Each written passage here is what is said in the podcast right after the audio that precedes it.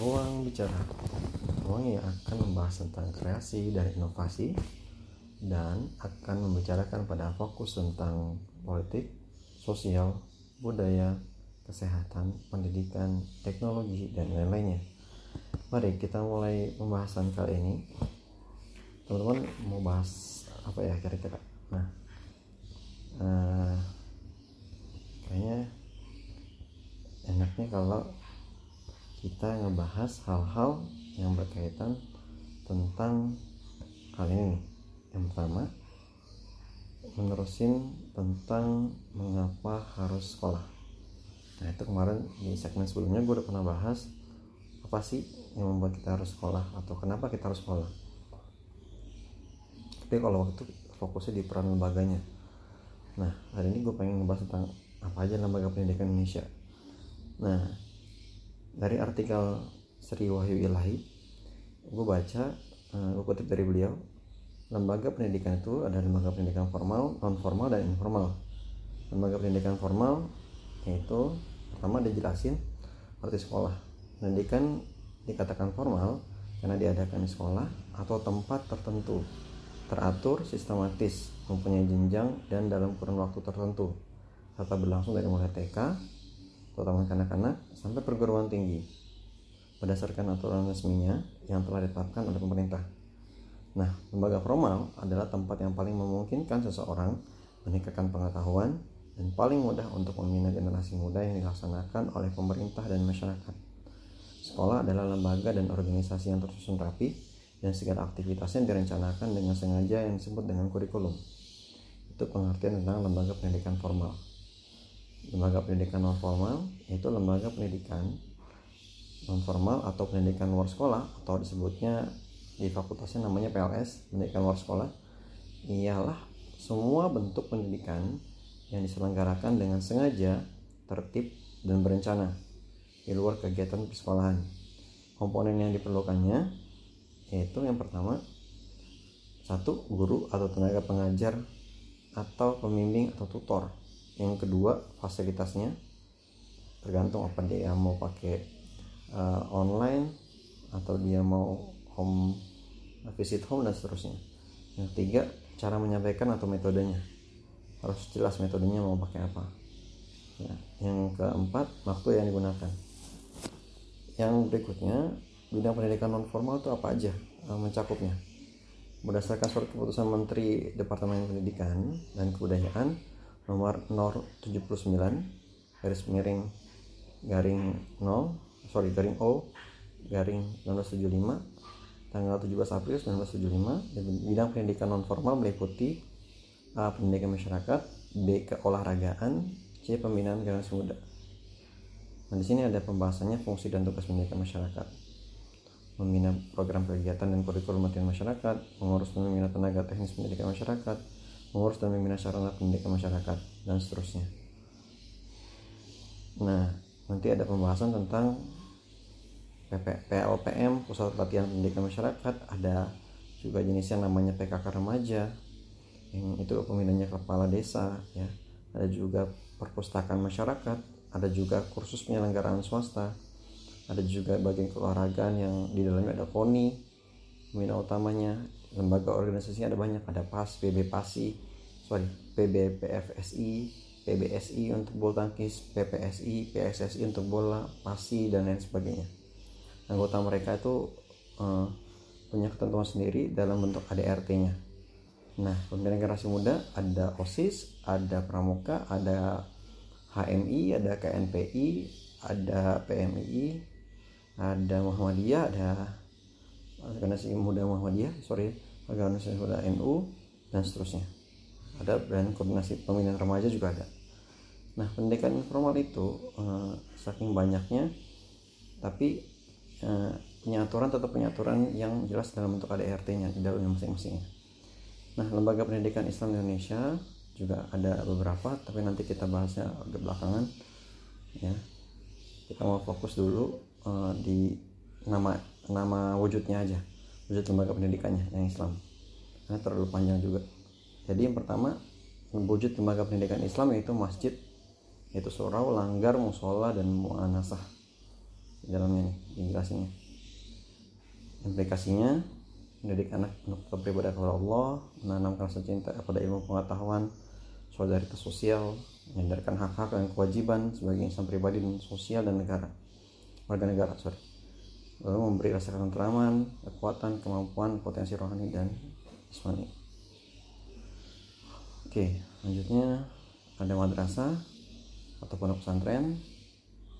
Ada kursus-kursus keislaman atau training badan-badan pembinaan rohani badan konsultasi keislaman musabaqah tilawatil Quran. Nah yang gue mau bahas berikutnya adalah pertanyaan yang tadi yang di awal mengapa harus sekolah? Ya kalau di sekitar teman-teman masih ada pertanyaan ini ya seperti yang kemarin gue coba pas di awal sekarang kita balik. Jika seorang anak kecil ngasih pertanyaan eh, apa pentingnya sekolah? Ya pertanyaan ini biasanya dijawab dengan mudah jawabannya biar pintar biar cerdas. Nanti jadi orang sukses. Jawaban yang diplomatis ya. Padahal sebenarnya uh, harus dijelasin juga kepada anak. Ya kalau sudah mulai mengerti ketika usia menengah pertama menengah atas kasih tahu ya uh, potensi mereka maunya kayak gimana ya. Setelah dia dari hasil nilainya diarahkan berdasarkan memang kemampuannya apakah dia mampu di otak kanan atau otak kiri ya.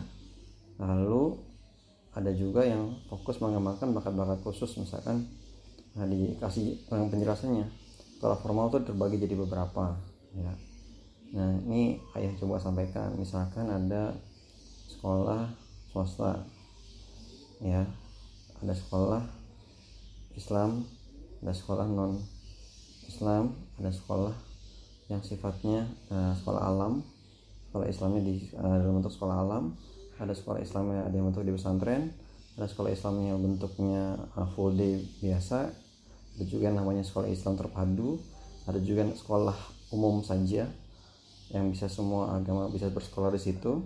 Ada juga yang sifatnya sekolah pengembangan bakat seperti sekolah musik sekolah atlet terus juga nanti juga ada sekolah-sekolah yang sifatnya uh, seperti sekarang ada sekolah digital ya sifatnya dia mempelajari tentang software-software dan pemrograman dan seterusnya. Nah yang jadi masalah sebenarnya bukan sekolah yang jadi keharusan maksudnya gimana yang harus jadi keharusan sebenarnya adalah belajar itu sendiri ya. karena itulah yang paling penting karena belajar membuat kita memahami apa yang dipelajari apa jadinya kita sekolahnya mahal-mahal bonafit tapi kita nggak belajar apa-apa kita nggak dapat uh, apa-apa dari sekolah di situ gitu sia-sia banget gitu. nah yang jadi masalah sebenarnya di Indonesia adalah tentang bukan hanya sekolahnya aja tapi permasalahannya ketika negara sudah membantu dengan menyekolahkan anak dengan gratis ya walaupun dia semuanya nggak gratis secara uh, overall gitu ya. Ada seragam sepatu bukunya juga masih belum gratis. Ada juga yang sudah ya di beberapa daerah. Nah uh, orang tua tuh perlu memahami bahwa kalau tujuan sekolah itu disampaikan gitu kepada anaknya. Ya. Yang disampaikan ya habis itu disampaikan lagi nanti uh, secara diskusi dengan anaknya ketika masuk SMP ditekankan lagi tujuan mereka sekolah itu apa ya. Terus itu dia tanya uh, karena mereka udah bisa milih sekolahan tanya lagi bahwa kamu tuh lebih condong ke mana dan jangan ikut-ikutan kepada teman kamu gitu. Tapi punya potensi kan sesuaikan dengan potensi kamu nah diarahkan uh, apa yang ingin dicapai oleh anak dan orang tua memfasilitasinya gitu agar dia bisa tergali potensinya Nah, kenapa harus sekolah? Itu kan yang ajar tadi ditanyakan di awal. Terus apa tujuannya? Apakah percuma jika sekolah cuma cari ijazah? Punya titel banyak, dihormati masyarakat. Itu kan yang jadi banyak pertanyaan. Itu mungkin salah satu tujuan sekolah ya. Tapi at least kalau sudah sekolah tinggi-tinggi, udah menghabiskan banyak biaya, tapi ujung-ujungnya jadi penipu. Dan kasihan banget ya dengan titel yang begitu tinggi, tapi kita masih jadi tukang tipu ya, maksudnya uh, menghilangkan azas tujuan dari sekolah itu sendiri contohnya kita sudah uh, sekolah tinggi tinggi ya ikut di sebuah perguruan tinggi yang uh, terkenal dan punya nilai kapasitas yang lumayan tapi kita tidak punya keinginan untuk bersaing secara sehat secara baik gitu ya. Kalaupun dia mau nyari kerja dia itu coba ketok pintu sana ketok pintu sini dalam artian coba menghubungi uh, teman-teman yang punya koneksi ya untuk bisa dibantu dengan mudah supaya dia juga bisa dapat diterima dengan mudah. Yang kedua dia juga biasanya apalagi yang pegawai negeri yang jadi masalah di Indonesia pegawai negeri itu ada tempat di mana setiap orang Indonesia sangat berharap karena uh, dana pensiunnya juga cukup lumayan dana pendapatannya juga cukup lumayan dan tujuannya akhirnya ya kapasitas bekerjanya juga rendah gitu ya. Kenapa? Karena tujuannya bukan memang menjadikan pekerjaan sebagai pegawai negeri sipil itu sebagai pekerjaan yang mulia untuk bisa melayani masyarakat membantu masyarakat tapi mindsetnya sudah bergeser. Mindsetnya untuk mencari keuntungan masing-masing atau pribadi-pribadi. Dan itu tidak terelakkan sampai hari ini. Yang berikutnya ya apa yang kita kerjakan itu banyak kan belum tentu sesuai dengan apa yang jadi impian kita. Dan belum tentu pula apa yang kita pelajari selama ini bisa kepake di pekerjaan kita. Ya. Walau, dan kebanyakan ternyata kehidupan setelah selesai sekolah itu nggak sesuai dengan harapan. Tadi ya dia akhirnya koneksinya nggak bisa ngebantuin ujuk-ujuk dia putus asa dia nyogok untuk bisa jadi salah satu pegawai. Walaupun sekarang eh, alhamdulillah gitu ya di Indonesia KPK udah bisa membantu pemerintah untuk memperkecil ruang korupsi dalam bidang yang seperti ini. Walaupun tetap ya masih banyak lah. Dan satu lain hal yang bisa masuk dengan uh, jalur belakang kayak gini gitu ketika dia mau jadi pegawai negeri. Nah di zaman sekarang ini pekerjaan yang paling bagus ya minimal tuh hanya mau menerima lulusan kuliahan. Dan jadi masalah adalah apakah buktinya kalau kamu udah kuliah itu adalah jaminan bahwa kamu adalah orang yang selalu belajar. Nah itu yang jadi pertanyaan. Dan kali ini jawabannya sudah pernah dijawab oleh uh, saya sebelumnya bahwa rapot itu bukan hasil akhir. Sekalipun kamu pinter di masa itu kalau kamu nggak sering belajar ya ilmu kamu bakal lupa gitu kan. Jangan sampai terlena jadi siswa atau mahasiswa yang berada di sebuah zona nyaman di dunia pendidikan. Nilainya bagus ya tapi everything ya semua hal akhirnya hilang ketika kamu itu ternyata hanya menjadikan itu hanya sekedar hafalan bukan menjadi pemahaman.